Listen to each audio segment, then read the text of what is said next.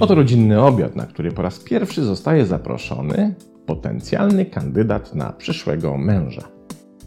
Przy stole siedzą więc razem przyszli młodzi i rodzice przyszłej panny młodej. Kandydat zaś na męża jest pilnie obserwowany przez mamę, która nie potrafi ukryć, że nie spełnia jej nadziei na przyszłość córki. Wymarzyła sobie statecznego biznesmena w nienagannym garniaku.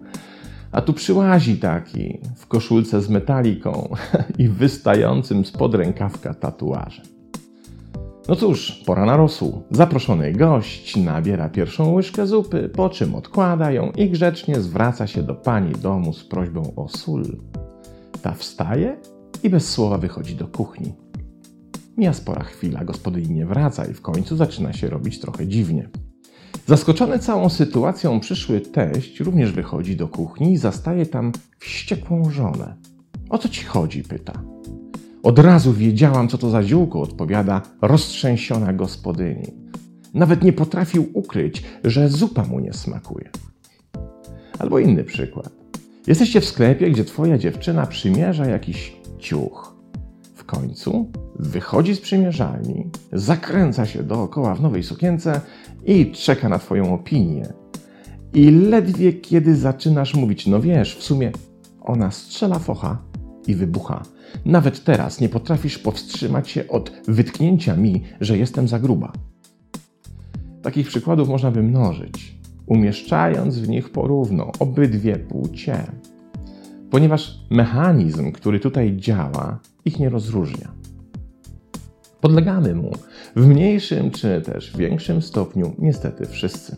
To błąd konfirmacji, czyli dokonywanie selektywnej oceny rzeczywistości, by znajdować potwierdzenie dla naszych wcześniejszych przekonań.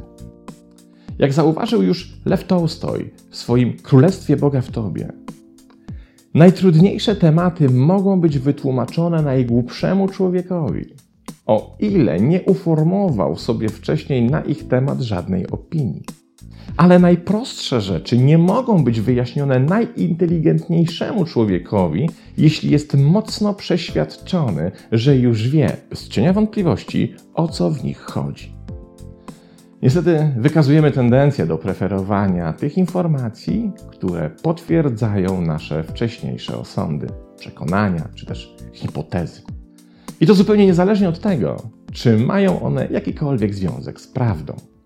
Odrzucamy więc wszystko to, co nie potwierdza naszych wcześniejszych założeń i jednocześnie koncentrujemy się wyłącznie na tych informacjach, które je potwierdzają. I w ten sposób, jak pisze profesor Shahran Hashmat, stajemy się więźniami własnych założeń. Przyjrzyjmy się ekstremalnej konfirmacji. Oto zapisałeś się na jogę. Przychodzisz na zajęcia i już w szatni widzisz wiele szczupłych osób.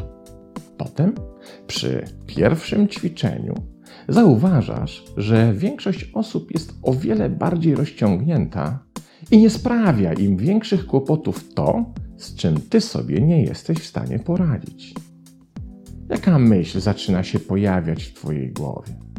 Na pewno widzą, jaki ze mnie łamaga i na pewno w duchu się ze mnie śmieją. Cholera, po co ja wybrałem to miejsce? To przecież tutaj widać mnie ze wszystkich stron. Trzeba było wziąć to miejsce w rogu sali, gdzie nie będzie mnie tak widać.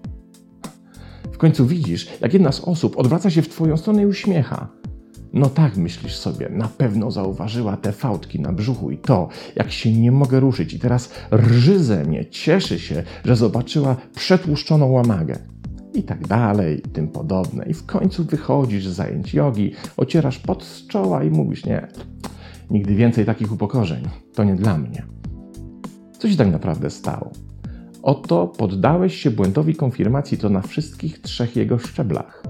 Po pierwsze, dokonałeś selekcji informacji, odrzucając wszystkie te, które nie potwierdzały Twoich pierwotnych przekonań i kiepskiej samooceny i jednocześnie zogniskowałeś swą uwagę jedynie na tych, które Twoim zdaniem były najlepszymi kandydatami, by potwierdzać Twoje negatywne przekonania o sobie. To tak, jakbyś skanował rzeczywistość w poszukiwaniu wyłącznie potwierdzeń tego, że nie nadajesz się na jogina. Po drugie, zacząłeś interpretować napływające do ciebie informacje w taki sposób, by potwierdzały twoje wcześniejsze założenia. Uśmiech dziewczyny z sąsiedniej maty zinterpretowałeś wyłącznie w kategoriach złośliwego potwierdzenia Twoich niedoskonałości ciała i braku odpowiedniej kondycji oraz możliwości poprawnego wykonania asan. W ten sposób, z zupełnie neutralnego, przyjaznego uśmiechu, który najprawdopodobniej oznaczał: hej, ale ta pozycja daje w kość, co? Zrobiłeś potwierdzenie tego, że to zajęcia nie dla ciebie i tego, że budzisz powszechne rozbawienie, niesmak i żenadę.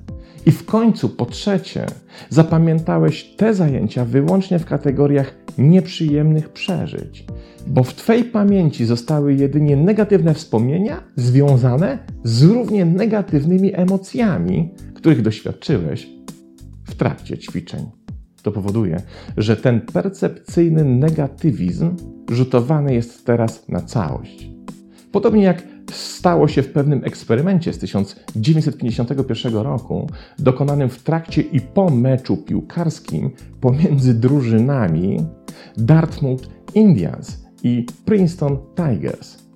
Mecz był bardzo brutalny i pełen wielu, wielu fauli. Jednak po jego zakończeniu zbadano zawodników obydwu drużyn i okazało się, że ci z Princeton zapamiętali, że za większość fauli odpowiadają Indianie, zaś zawodnicy z Dartmouth zapamiętali dokładnie odwrotnie, że za większość fauli przecież odpowiedzialni byli wyłącznie Tygrysi z Princeton.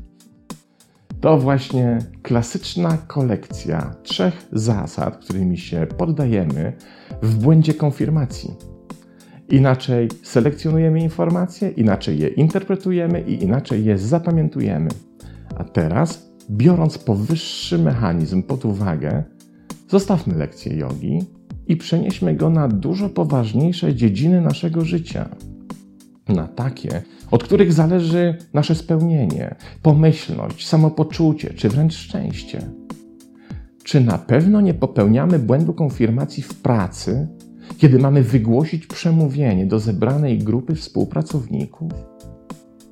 Czy na pewno nie konfirmujemy, kiedy nie układają się nam należycie relacje, kiedy nie idzie nam w biznesach, czy też kiedy nie robimy zawrotnej kariery w zakładanym wcześniej tempie? Albo kiedy nie udaje nam się zrealizować jakichś istotnych zamierzeń, zdobyć dyplomu, majątku czy czyjegoś zainteresowania? Lub kiedy mamy niskie poczucie własnej wartości i szukamy w otaczającej nas rzeczywistości wyłącznie potwierdzeń co do tego, że inni nas ignorują, by tym samym sobie udowodnić, że rzeczywiście nie jesteśmy wiele warci. Przecież konfirmacja jest łatwa i co więcej, w pełni zadowala nasze ego, które tą drogą dostaje swoją ulubioną rozrywkę w postaci samobiczowania. Co zatem zrobić? W jaki sposób poradzić sobie z błędami konfirmacji i konstruowaniem naszej wizji świata w ten sposób? Spróbujmy zrobić trzy rzeczy. Po pierwsze, postaraj się zamienić przekonanie na ciekawość. Kolejnym razem Znajdując się w dowolnej nowej sytuacji, nie szukaj potwierdzeń Twoich wcześniejszych założeń, ale poddaj się ciekawości. Zamiast przed zajęciami jogi mówić, przecież nie dam rady, zadaj sobie pytanie: ciekawe, jak trudne to dla mnie będzie. Zamiast doszukiwać się w czyimś uśmiechu podtekstu, drugiego dna i potwierdzania tego, o czym myślisz, powiedz sobie, że ktoś się do mnie uśmiecha, a to oznacza, że to jest fascynujące, bo przecież za tym uśmiechem może się kryć tak wiele rzeczy. Ciekawe jakich, prawda? Próba potwierdzenia tego, co wcześniej zakładamy, zawęża pole widzenia. Ciekawość to sprytna sztuczka, za pomocą której to samo pole widzenia zostaje znacznie rozszerzone. Po drugie, zamiast szukać tego, co potwierdza, celowo szukaj tego, co zaprzecza. Jeśli organizujesz firmowe zebranie, nie zapraszaj wyłącznie tych, którzy potwierdzają Twoją wizję rozwiązania problemu. zaproś przede wszystkim tych, którzy mają inne zdanie. Dopiero wtedy zaczniesz się wraz z całym swoim zespołem rozwijać. Szukaj tego, co nieprzyjemne, co cię zrazu odrzuca. Za tym, co przyjemne, stoi ego, za tym, co nieprzyjemne, mogą kryć się rewelacyjne rozwiązania. Dostrzeżenie i zrozumienie innych od Twojego punktu widzenia rozszerza Twoją perspektywę oglądu sytuacji. To nieskończone źródło nowych możliwości, rozwiązań i sposobów na poradzenie sobie z dowolnym problemem. To bezcenna nauka. Po trzecie, uruchom system alarmowy. Stwórz w sobie nawyk wątpliwości, które pojawiają się zawsze, ilekroć rzeczywistość potwierdza Twoje poprzednie przekonania. Jeśli wszystko zgadza się z tym, co zakładałeś czy zakładałaś, to w Twojej głowie powinna się zaświecić czerwona lampka. Ilość zgodności powinna zacząć stanowić dla Ciebie ostrzeżenie, w efekcie którego należy sprawdzić, czy czasem nie poddajesz się iluzji konfirmacji, czy informacje otrzymywane z zewnątrz są rzeczywiste i rzetelne, czy też jedynie to Ty je selekcjonujesz, by potwierdzały Twoje założenie.